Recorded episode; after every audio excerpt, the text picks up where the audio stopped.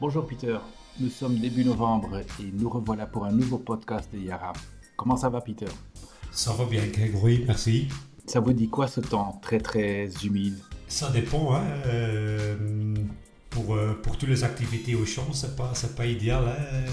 Les, derniers pommes de terre sont encore euh, à récolter, les, mhm. les betteraves sont encore au champ et beaucoup d'endroits, il est beaucoup trop humide pour conduire avec les, grandes machines et les tracteurs au champ. Donc, euh, Ok, mais malgré toutes ces averses, c'est peut-être le moment idéal pour penser aux engrais et de penser à la saison suivante.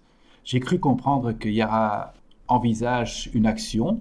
Euh, pouvez-vous nous en dire plus? Oui, oui, ça, ça peut être l'avantage du temps, hein, euh, du météo, hein, que les agriculteurs ont peut-être un peu plus de temps pour penser aux saison prochaine. Hein.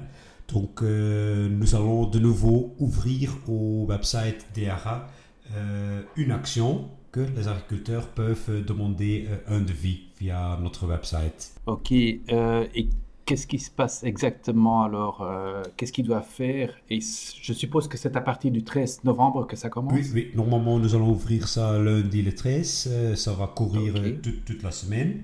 Donc, euh, les agriculteurs intéressés doivent consulter notre website, hein, yara.be. Ils ont le choix de choisir euh, différents produits, évidemment, euh, en big bag, sulfon, de sulfon, Nutri-Booster, sulfon bord ou le classique, le 27. Donc, ils peuvent indiquer la quantité qu'ils ont besoin, évidemment le type, et aussi euh, le négociant de préférence. Donc euh, l'agriculteur ne va pas recevoir un devis en direct DRA, c'est toujours via un négociant. Ok, mais Peter, donc en fait, euh, ils peuvent combiner plusieurs produits dans leur offre. Oui, oui, dans leur demande d'offre. Il y en a cinq différents produits et vous, vous, pouvez combiner tous les cinq différents produits. Ça, c'est aussi l'avantage d'un Big Back Hein, par exemple, la plupart des entreprises euh, ont différentes cultures.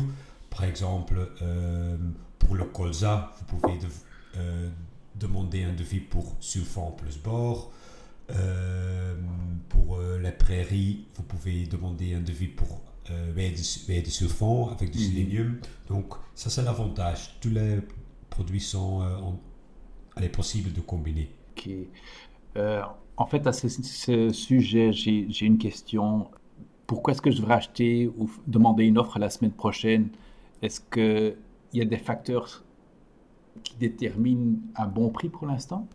Nous, voyons qu'actuellement, les prix ont l'air de stabiliser. Hein. Donc, euh, les, derniers deux, trois mois, il n'y a pas grand-chose euh, qui bouge euh, au niveau de prix. mais il y en a beaucoup de facteurs qui peuvent influencer le prix.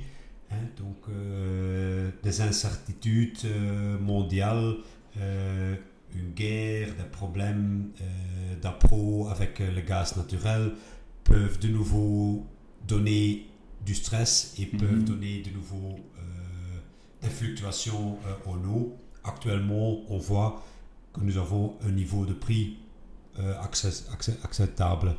Et est-ce que l'Inde et la Chine, est-ce que ce sont des pays très très lointains, mhm. mais est-ce qu'eux, ils ont aussi un impact sur le prix euh, des engrais? Oui, parce que euh, Chine est un très grand producteur de riz mhm. et consommateur aussi, mais l'Inde est aussi un consommateur très très grand de riz. Et les derniers mois, on a vu que euh, la Chine a produit moins de riz et l'Inde a demandé plus de riz. Et ça a donné aussi un, stress euh, au niveau du prix. Donc le prix de riz a augmenté euh, le dernier mois un petit peu. Et le prix de riz mondial est aussi lié au prix d'ammonium-nitrate du CAS chez nous. Donc il y a, il y a bien une, une connexion entre les deux. Mm-hmm. Et, et, des autres facteurs très euh, importants pour la formation des prix euh, évidemment euh, le prix du gaz naturel. Peut-être il est intéressant, j'ai pris ici euh, l'historique du prix de gaz naturel de, des derniers deux ans.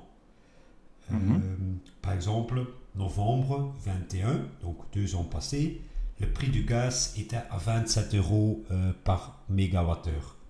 Ça, c'était un peu le prix avant la guerre Ukraine-Russie. La guerre a commencé fin mars 22, donc ou fin février 22. Là-bas, on retrouve un prix de 70 euros déjà. il a augmenté le prix du gaz jusqu'au août 22. Là-bas, nous avons avoir un prix de 300 euros par tonne. Ça, c'était aussi le moment que le prix du, euh, du gaz était presque 1000 euros par tonne. Euh, prix du gaz naturel de l'année passée, novembre, 123 euros par mégawatt. Si on compare ça avec le prix du gaz d'aujourd'hui, aujourd'hui nous sommes à 45, 50. Donc c'est beaucoup, beaucoup moins cher qu'un an passé. Donc ça veut dire, à mon avis, que c'est beaucoup plus intéressant euh, au niveau de prix d'acheter des engrais. Et, et pourquoi? Il est intéressant d'acheter des engrais maintenant euh, Évidemment, les agriculteurs n'ont pas, ont pas besoin des engrais maintenant, mais c'est diviser les risques. Hein? Répartir les risques un peu pendant toute une année. Oui, oui, c'est un peu. Vous, vous, pouvez le comparer un petit peu comme euh, des investissements bancaires. Hein. Si vous avez un peu euh, d'argent, vous voulez investir, votre directeur de la banque va aussi donner le conseil à vous. pas investir tout au même moment, mais mhm. diversifier différents moments. Et ça, c'est un peu la même stratégie euh, pour les engrais aussi, diviser les, moments d'achat. Par exemple, un tiers maintenant, euh, un tiers euh, pendant l'été, un tiers au printemps. Comme ça, vous, vous êtes toujours sûr que, votre produit est disponible au temps que vous avez besoin le produit et vous êtes aussi sûr que votre risque de prix est divisé. Ok, si, si, vous permettez, Peter, j'aimerais encore euh, citer quelques autres produits euh, qui conviennent à cette période de l'année. Euh, vous vouliez parler, nous parler en fait du sulfone bore. Il s'agit d'un nouveau produit de Yara. Pouvez-vous nous en dire plus? Oui, donc les Yara B, la sulfone bore, elle formule le plus récent. Hein. Donc c'est mm aussi un ammonium nitrate plus soufre mais en plus, il y a aussi 0,25% de bore dedans. Donc euh, le bore, c'est un, un oligo-élément, donc important pour la plante, mais uniquement euh, dans des valeurs très limitées. Euh, un élément important pour la betterave, le colza. Donc ça, ce sont vraiment la culture où, où le sulfone bore peut être intéressant. Hein. le bore est un élément important pour euh, le transport des sucres dans la plante et aussi pour le mhm. calcium. Donc, euh, très, très efficace à appliquer via le sulfone bord. Euh, tous les éléments dans, dans, chaque granule. C'est via le feuillage que ça se passe? Si vous appliquez ça avec le sulfone bord, c'est granulé. Donc, c'est toujours mhm. absorption par la racine. Donc, donc il, est, il, est, important à mentionner que euh, vous pouvez aussi pulvériser le bord hein, ensemble avec euh, mhm. comme foliaire. Euh, une façon intéressante pour, pour appliquer du bord à vos cultures, mais il faut savoir que si le bord est pris par la feuille, c'est pas transporté vers les, les, racines. Le bord est un élément immobile dans la plante. Donc il est aussi important de donner assez de bord euh, via la racine. Euh, parce que le bord est aussi euh, un élément important pour la formation des racines. Si nous regardons ensuite les cultures qui sont encore sur le champ, il peut peut-être être intéressant de parler du gramitel, pardon. Pouvez-vous nous en dire un peu plus? Donc, euh, le grand mitral a un foliaire pour, euh, pour les blés d'hiver. Euh, mhm. Vous pouvez appliquer ça fin février, ensemble avec la première pulvérisation. Mais actuellement, on voit le météo reste doux. Hein. Nous avons encore 10, mhm. 12 degrés. Euh, donc on voit que les pucerons sont encore actifs. Euh, les colonies de pucerons sont encore en train de grandir. Donc j'estime que ça va être encore besoin d'appliquer des insecticides la prochaine semaine. Et mhm. en combinaison avec les insecticides contre les pucerons, vous pouvez aussi appliquer les Aravita gramitrel.